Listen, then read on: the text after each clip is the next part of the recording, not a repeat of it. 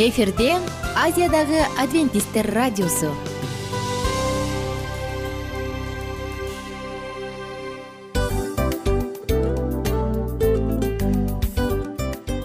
Достор салют.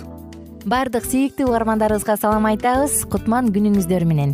Ден соолук өмүрдүн булагы демекчи саламат саамы программасында баарыңыздарды көргөнүбүзгө абдан кубанычтабыз. Анда алгач амандашып өтөлү арбаңыздар деп. Ден соолугуңуздар кандай элибизде көбүнчө ден соолук кандай дегенде эле жакшы деп жооп беребиз э? ооруп турсак дагы жакшы дейбиз. Анан мен муну айтып ойлойт элем бул абдан сонун сөз депчи анткени бул жакшы деген үмүт да э ооба. баары жакшы болот баары сонун.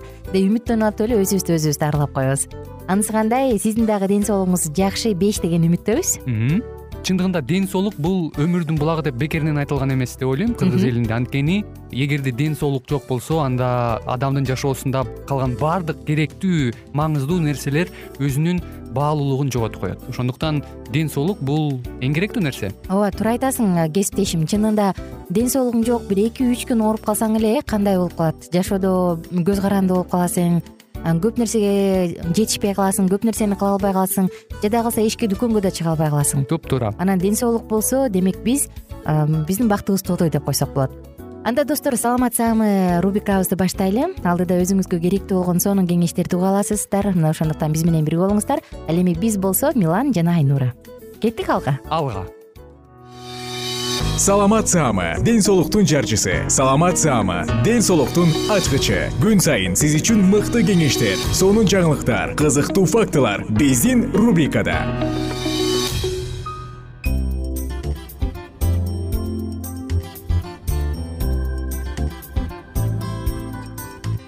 Кутмандуу куш убак күнүңүздөр менен достор ар бир саат ар бир күн кайсы гана учурбу күндүзбү түнбү сиздер менен үн алышып сиздердин кызматыңыздарга болгонума абдан кубанычтамын.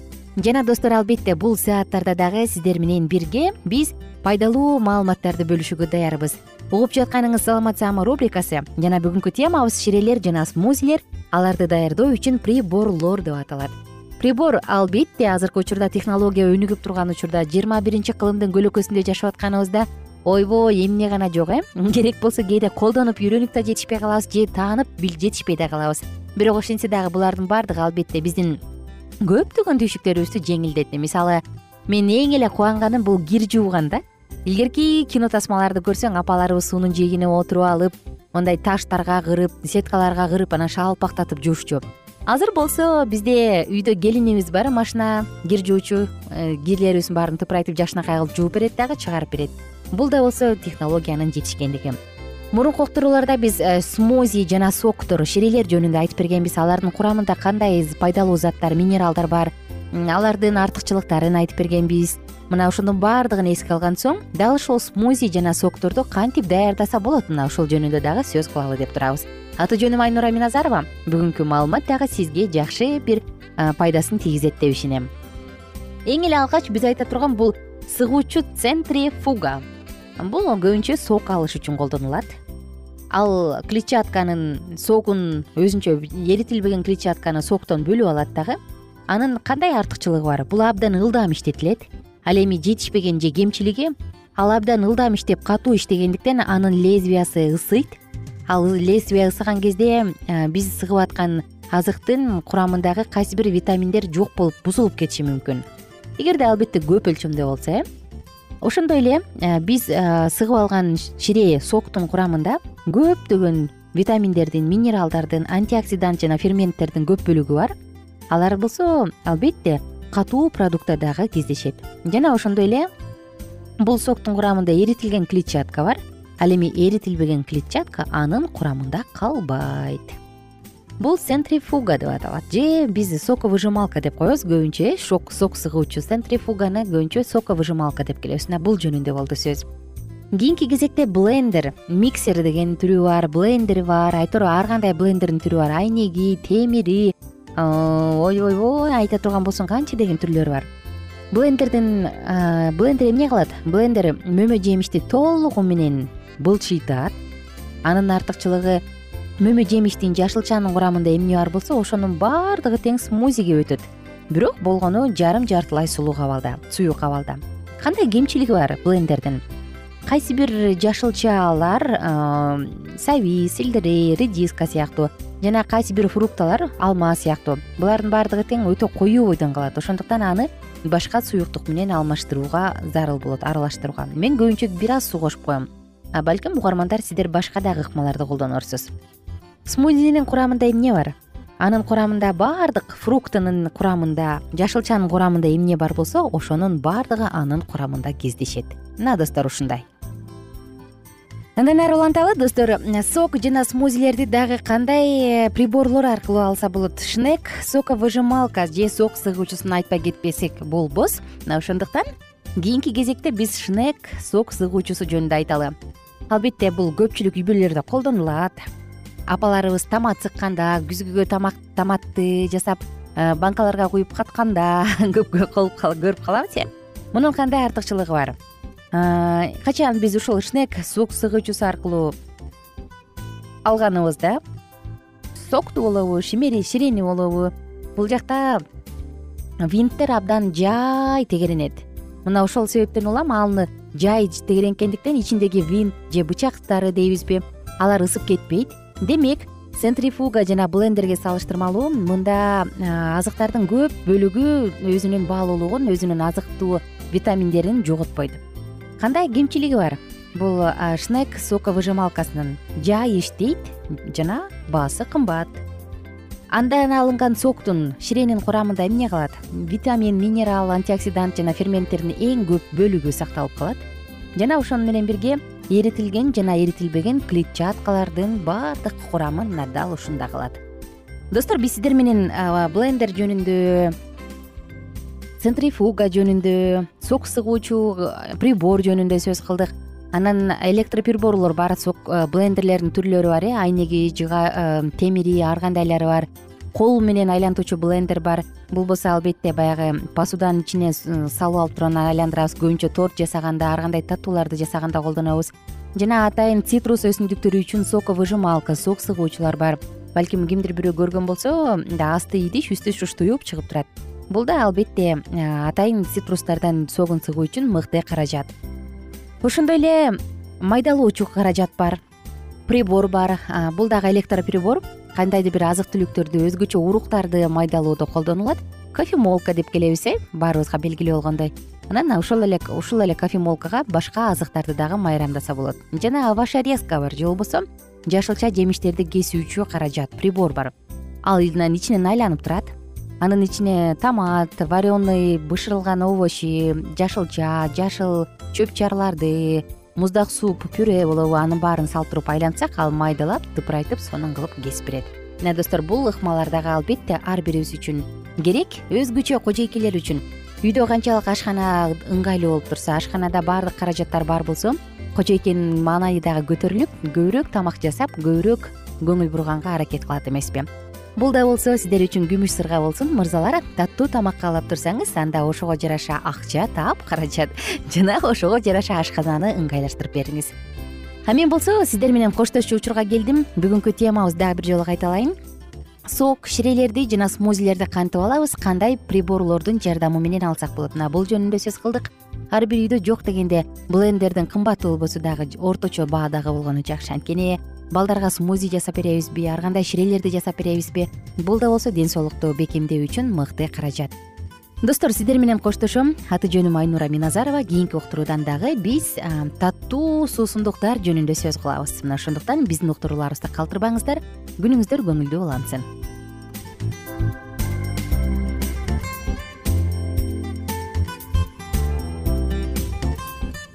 кененирээк маалыматтар үчүн үч w чекит саламат чекит клуб сайтына келип таанышыңыздар.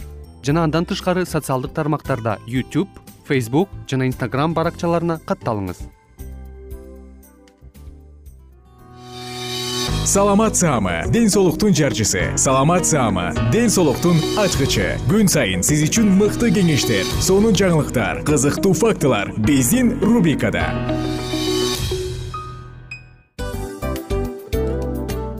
салам достор. Кайрадан биздин сүйүктүү рубрикабызга кош келиңиздер деп айтмакчыбыз.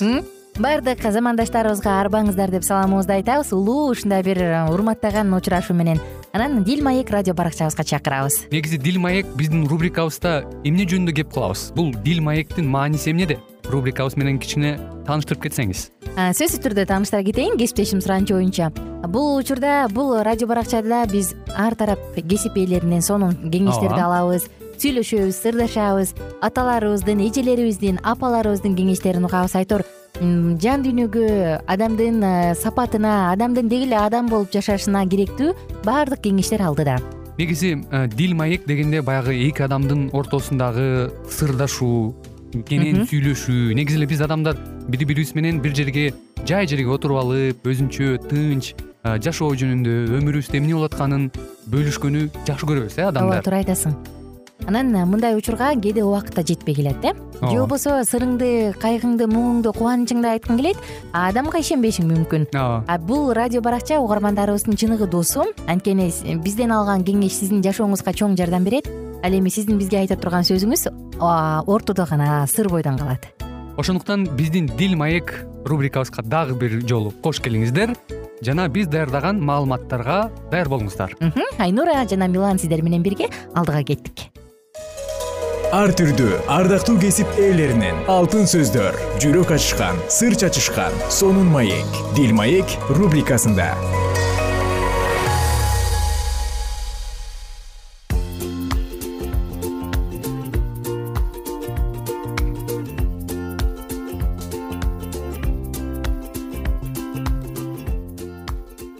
саламатсыздарбы кадырлуу замандаштар. Жалпы биздин сүйүктүү угармандарыбыз менен амандашып биз дил маек уктуруусун баштадык. Жана бүгүнкү тема атанын милдети жана ээлеген орду мына достор бүгүнкү темабыз дал ушундай аталат. Чындыгында ата дегенде эле ар бир адам өзүнүн тирегин тирөө үчүн ар бир адам өзүнүн эң керектүү адамын камкор адамын үй бүлөнү баардык жагынан жабдыктап баардык жагынан кам көрүп баардык муктаждыгын канааттандырып бере турган адам катары элестетет эмеспи ата тапкыч ал эми эне үйдөгү адам? Эне үйдө кутту кармайт эне үйдө баланы тарбияласын балдарды тарбиялоодо көбүрөөк маанини ойнойт. Эне негизи үйдө мындай эне дегенде биз мээримди сүйүүнү элестетебиз ал эми ата дегенде да албетте аталар таарынып калышпасын сүйүүнү мээримди элестетебиз. Бирок ошону менен бирге атаны биз камсыздоочу адам катары элестеткиле эмеспизби. Анда эмесе жөнөдүк. Үй бүлө ата эне жана балдар бул дүйнөдө бөлүнгүс бирдик болсун. Муну атай кудай ойлоп тапкан. Үй бүлөнү бактылуу кылуу бир гана эненин милдети эмес. Аталардын дагы өздөрү иштеп аракеттенүүчү талаасы бар. Үй бүлө звеносун бириктирип байлап туруучу эр адам ал өзүнүн күчтүү ачык айкын мээримдүүлүгү менен үй бүлө мүчөлөрүн эне жана балдарды бириктирип бекем кеңеш тургузат. Эри жана атасы үй бүлө башчысы болуп эсептелет. Аялы балдарды тарбиялоодо андан сүйүү жана жардам берүүсүн издейт жана бул адилеттүүлүк. Балдар дагы аял сыяктуу эле атасына көз каранды жана ошондой эле деңгээлде алардын ийгилиги үчүн таламдуу. Балдар атасына жардамдашуусу жана башкаруусу үчүн кайрылышат. Ал жашоодо туура түшүнүүсү зарыл. Өз үй бүлөсү тууралуу кимисине кандай кайрылуу керектигин билиши керек алды менен балдарды туура жолдо алып кетиш үчүн сүйүүнү алдыга жылдырып кудайга жана анын сөзүнө урмат көргөзүүсү зарыл. Ата өзүнүн жез тыйынын үй бүлөнүн тактысын куруу үчүн салышы керек. Анын түйшүгү жана жумушу канчалык оор болбосун алар үй бүлөнүн кубанычын кетирбеши керек. Ал өз үйүнө жылмаюу жана жан сергитерлик сөздөрүн айтып келсин дейт. Караңыздарчы кандай гана сонун сөздөр. Атанын милдети эми чыныгы кайраттуулук деген эмне? Ушул жөнүндө карай кетсек. Ата бала сыяктуу болуп бир эле арык менен жүрө берүүсү керек эмес. Мен бала кезимде дейт элчи павыл. Балача сүйлөчүмүн балача ойлочумун балача ой жүгүртчүмүн. Ал эми эр жеткенде балалыкты койдум дейт. Бул тууралуу биринчи корунтуктарга жазылган кат он үчүнчү бап он биринчи аятта жазылган. Ата өзүнүн үй бүлө башчы экенин билиши зарыл. Бекем мүнөзгө ээ болууга умтулуп өзүн өзү башкарууну билиши керек анын үй бүлөдө өзүн өзү түз алып жүрүүсү анын адеп ахлактык милдеттерин башкаруусунда болсун. Ал өзүн үй бүлөнү колдоо үчүн эмгекти сүйүүчүлүк тарбиясы менен тарбиялап колунан келгендин баарын иштөөсү өтө зарыл. Бул ага анын аялынын урмат сый көргөзүүсүн алып келет. Эр адам өзүнүн кайраттуулугун өзү үй башчысы экендигин коргоп далилдеп туруудан көргөзбөйт эгерде ал ата ыйык жазуудан бир өзүнө жага турган аяттап ошого гана карманып тура берсе анда ага болгон сый урмат өспөй калат.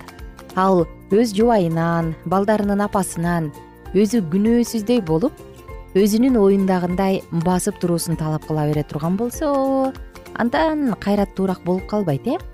Кудуреттүү кудай эрин аялына башчы кылып койгон анткени ал анын коргоочусу болсун деп койгон. Бирок кудуреттүү кудай өз мүнөзүн даанышмандыкта жана мээримдүүлүктө көргөзөт. Мына ушундай эле эри өз бийлигин көргөзсүн. Бир гана келишимдүүлүктө эмгектенүү менен ата жана эне кудай аларга табыштаган ишти аткара алышат караңыздарчы достор кандай гана сонун айтылган. Тилекке каршы учурда аталар өзүнүн аталык милдетин аткара албай калгандар бар э. Карап отуруп жүрөгүң ачышат жаның кейийт жан дүйнөң туталанат. Эле жетим калган балдарды көрүп жүрөгүң ооруйт. Же болбосо атанын ордуна ата да апанын ордуна апа да болуп ары бери чуркап үй бүлөсүнүн камын көрүп үй бүлөсүнүн материалдык жагын камсыздап баардык жагынан чуркап жүргөн апаларды көрүп жүрөгүң ооруйт. Ал эми аталар болсо чейт түкүрүп шыпты тиктеп потолокту тиктеп жаткандарын көрүп аябай чын эле жаның кейитерлик караңыздарчы атанын орду канчалык деңгээлде зор. Адам көбүнчө талап кылганга машпыз э эмнеге сен түрлөп тамак бышырбайсың? Эмнеге силер мени сыйлабайсыңар ата катары? Эмнеге мен келгенде дароо орун бошотуп бере койбойсуңар эмнеге менин сөзүмдү укпайсыңар? Деген сыяктуу сөздөр менен кээ бир аталар тилекке каршы талап гана коюшат бирок өздөрү тараптан аталык милдетин аткарбайт. Анда давай анда сен аталык милдетиңди аткар кел. Анан мен сени ата катары көрөйүн анан мен сени ата катары сыйлайын. Дейсиң да анысы кандай достор? Эгерде ата өз ордунда болсо эне өз ордунда болсо анда көп нерсени жеңүүгө мүмкүн.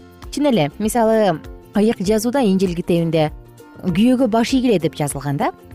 Эгерде күйөөлөр мага баш ийишиң керек мына жазылып турбайбы сен эмнеге мени укпай атасың деп эле үстөлдү бир коюп үйдө ким кожоюн дей берсе анда тилекке каршы мындай үй бүлө эч качан бактылуу болбойт жана кудай муну да каалабайт ошол эле аяттын алды жагында эркектер дейт аялыңарды өзүңөрдү сүйгөндөй сүйгүлө. Аларга аяр идишке мамиле кылгандай жасагыла дейт. Карачы сүй дейт аялыңды. Аялыңды сүйүп берсең аялыңды сүйө билсең анда ал сага сөзсүз түрдө баш ийет экен. Мына бул ошондой бул чыныгы мыйзам. Аялын сүйүп турса аялы кантип эле күйөөсүнө баш ийбей койсун э? Күйөөсүнө баш ийип турса эле аялы кантип сүйбөй койсун. Аялы кантип баш ийбей койсун анысы кандай? Баардык нерсе бул эки тараптуу. Ар бир нерсе бири биринен көз карандуу бири биринен бири биринин милдетин аткарганда гана гармонияда болот экен. Эмне дейбиз достор? Бүгүн дагы мен бир ата тууралуу жанагыраак бир кичинекей үзүндү угуп калдым. Атанын үй бүлөдөгү орду депчи атанын милдети деп. Ата кудайдан кийинки кудайды туураган жаратуучуга канчалык бир деңгээлде жага турган иштерди жасап жаратуучуну туураган адам болсо жага турган жашоо менен жашаган адам болсо анда үй бүлөнүн бактысы зор. Анда баягы бактысы төөнүн бир немесиндей деп коет эмеспи. Анысы кандай? Анда ал үй бүлөдө сөзсүз түрдө чоң түшүнүктөр чоң мүмкүнчүлүктөр болот. Мына ошондуктан бүгүнкү уктуруубузда аталарга өзгөчө кайрылгым келип турат. Мени кичинекей балдар чоң адамдар чоң аталар дагы агалар дагы угуп атат деп ишенем эгер сиз үй бүлөдө өзүңүздүн ордуңузду билип өзүңүздүн милдетиңизди аткара алсаңыз анда ал үй бүлөнүн бактылуу болушуна жетимиш пайыз мүмкүнчүлүк бар. Ошондуктан аталар сиздерге жаратуучубуздан чыдамдуулук каалайбыз акылмандуулук каалайбыз. Бар болуңуздар жалпыңыздар менен коштошобуз ар бир үй бүлө бактылуу болууга милдеттүү. Ар бир үй бүлө мүчөсү бактылуу болууга милдеттүү бактылуу болууга акысы бар. Сиз болсо анын бактылуу болушу үчүн чоң сиздин колуңузда мүмкүнчүлүк жоопкерчилик бар. Бар болуңуздар кайрадан кийинки уктуруудан амандашабыз. Күнүңүздөр көңүлдүү улансын. Ар түрдүү ардактуу кесип ээлеринен алтын сөздөр жүрөк ачышкан сыр чачышкан сонун маек дил маек рубрикасында.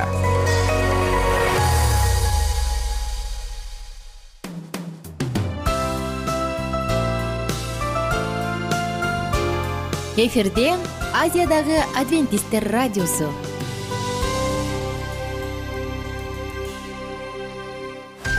Жан дүйнөңдү байыткан жүрөгүңдү азыктанткан жашооңо маңыз тартуулаган жан азык рубрикасы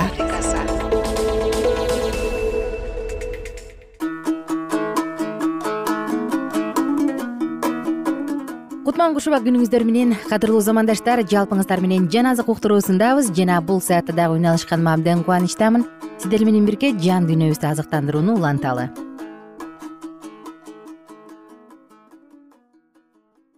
Лука жазган жакшы кабар онунчу бөлүм. Ошондон кийин теңир башка жетимиш шакиртти тандап аларды ар бир шаарга өзү бармакчы болгон ар бир жерге эки экиден кылып өзүнөн мурун жөнөтүп жатып мындай деди түшүм көп бирок жумушчулар аз. Ошондуктан түшүмдүн кожоюнунан өзүнүн түшүмүн жыйноого жумушчуларды жиберүүсүн өтүнгүлө.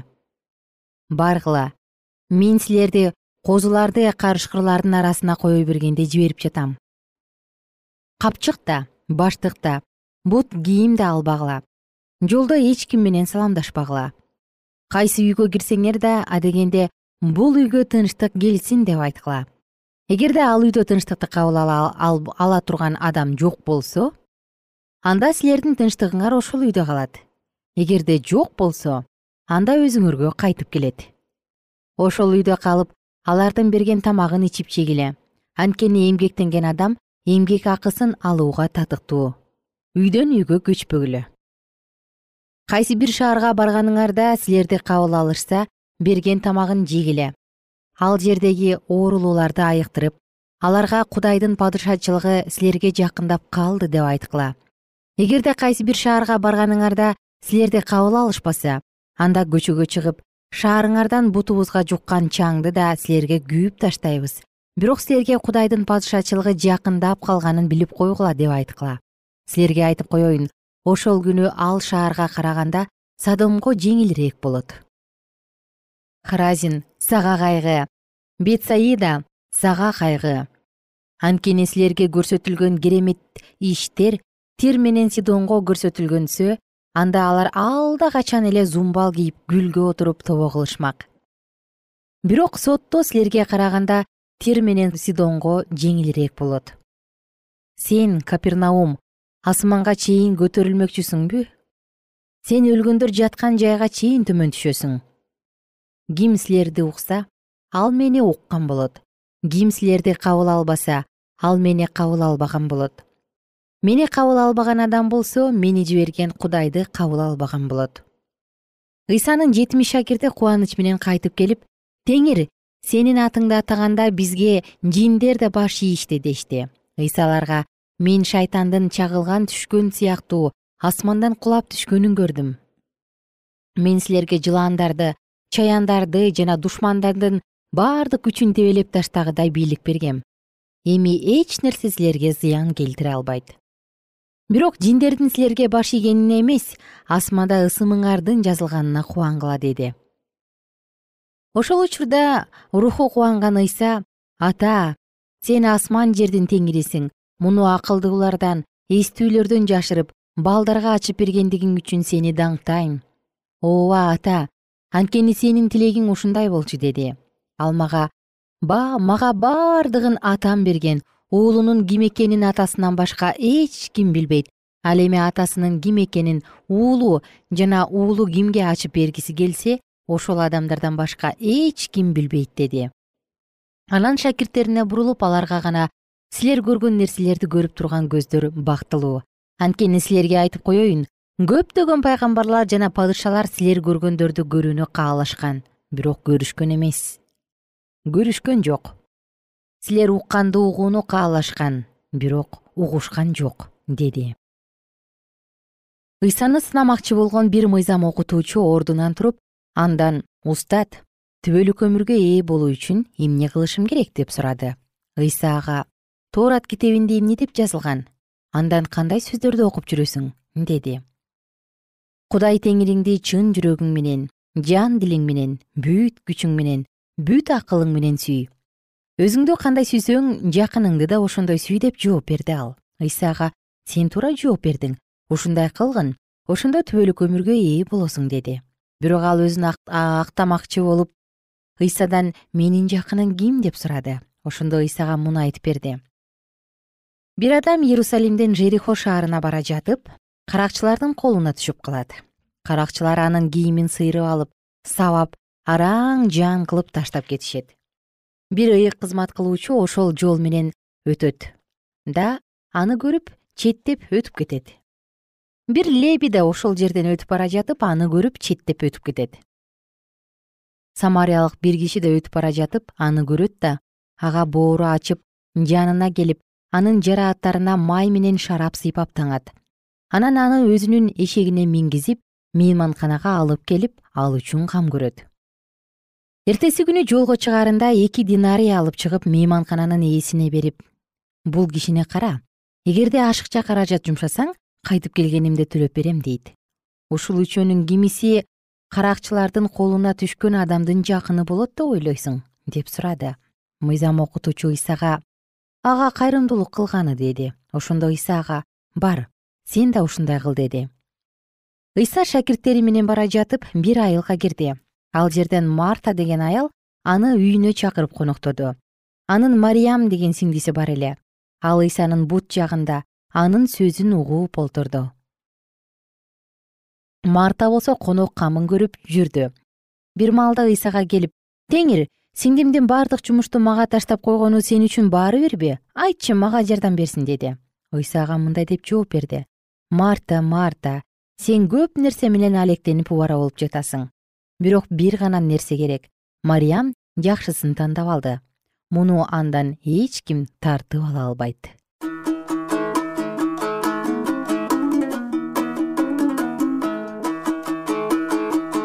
Кымбаттуу достор биз дагы бул уктуруубуздун соңку мүнөттөрүнө келип калдык. Чындыгында түйшүк бул эч качан бүтпөйт биз жасап жаткан нерсе эч качан бүтпөйт. Бирок ушул эле учурда ушул эле убактыбызды биз жан дүйнөбүздү байытууга жашообуздун маңызын табууга жумшай турган болсок анда чындыгында аны эч ким тартып ала алгыс байлыкка ээ болобуз. Жан дүйнөбүз байысын жан дүйнөбүз бай болсун деген тилек менен сиздер менен коштошобуз. Жана достор кийинки уктуруудан кайрадан баардык угармандарыбызды күтүп алабыз кийинки уктуруубузда лука жазган жакшы кабар китебин андан ары улантабыз. Ага чейин жалпыңыздарга көңүлдүү күн каалайм жана көңүлдүү маанай каалайм. Бар болуңуздар бай болуңуздар кайрадан амандашканча сак саламатта туруңуздар. Эгер сиздерде суроолор болсо же көбүрөөк маалымат билем десеңиз анда биздин whatsapp номерибизге жазыңыз. Плюс бир үч жүз бир жети жүз алтымыш алтымыш жетимиш кайрадан плюс бир үч жүз бир жети жүз алтымыш алтымыш жетимиш.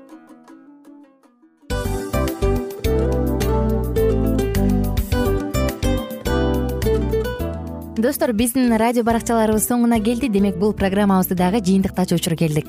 Учурга келдик. Анан кесиптешимден сурагым келип турат. Негизи эле иштин башталып атканы кубандырабы сени же жыйынтыгы кубандырабы албетте жыйынтыгы себеп дегенде сен кылган ишиңдин жыйынтыгын көрүп э, баягы мөмөсүн көрүп дегендей жыргайсың. Жүрөгүң жемишинен тартып э? Кандай даамдуу деп. Баягы буудай сепкенде эмес буудай эгинди жыйнагандан кийин ысык нанды жегенде кадимкидей ырахаттанасың го. Ой айтпа туура айта кеттиңиз. Сонун салыштыруу болду анан мен дагы абдан кубанып турам анткени биз угармандарыбыз үчүн аябай эмгектенип келген уктуруубуздун соңуна келип калдык. Анан эми э, уктуруубуздун соңунда угармандар кандай пайда алып калды экен деп күтүп турам да. Балким э, менин жашоомо өзгөрүү киргизе турган сонун сөздөр болду. Мен ушул нерсени изилдеп анан кабыл албасам ушул нерсени кылбасам деген чечим чыгарсаңыз анда биз абдан кубанычтабыз. Сөзсүз түрдө андыктан кийинки биздин кызыктуу уктурууларыбыздан көрүшкөнчө сак саламатта калыңыздар. Чыдамсыздык менен сиздерди мен милан жана кесиптешим айнура күтөбүз баардык угармандарыбызга ийгиликтүү күн каалайбыз. Качан гана болбосун уртуңуздан жылмаюу кетпесин үйүңүздө көмүр жүрөгүңүздө көңүл болсун дейли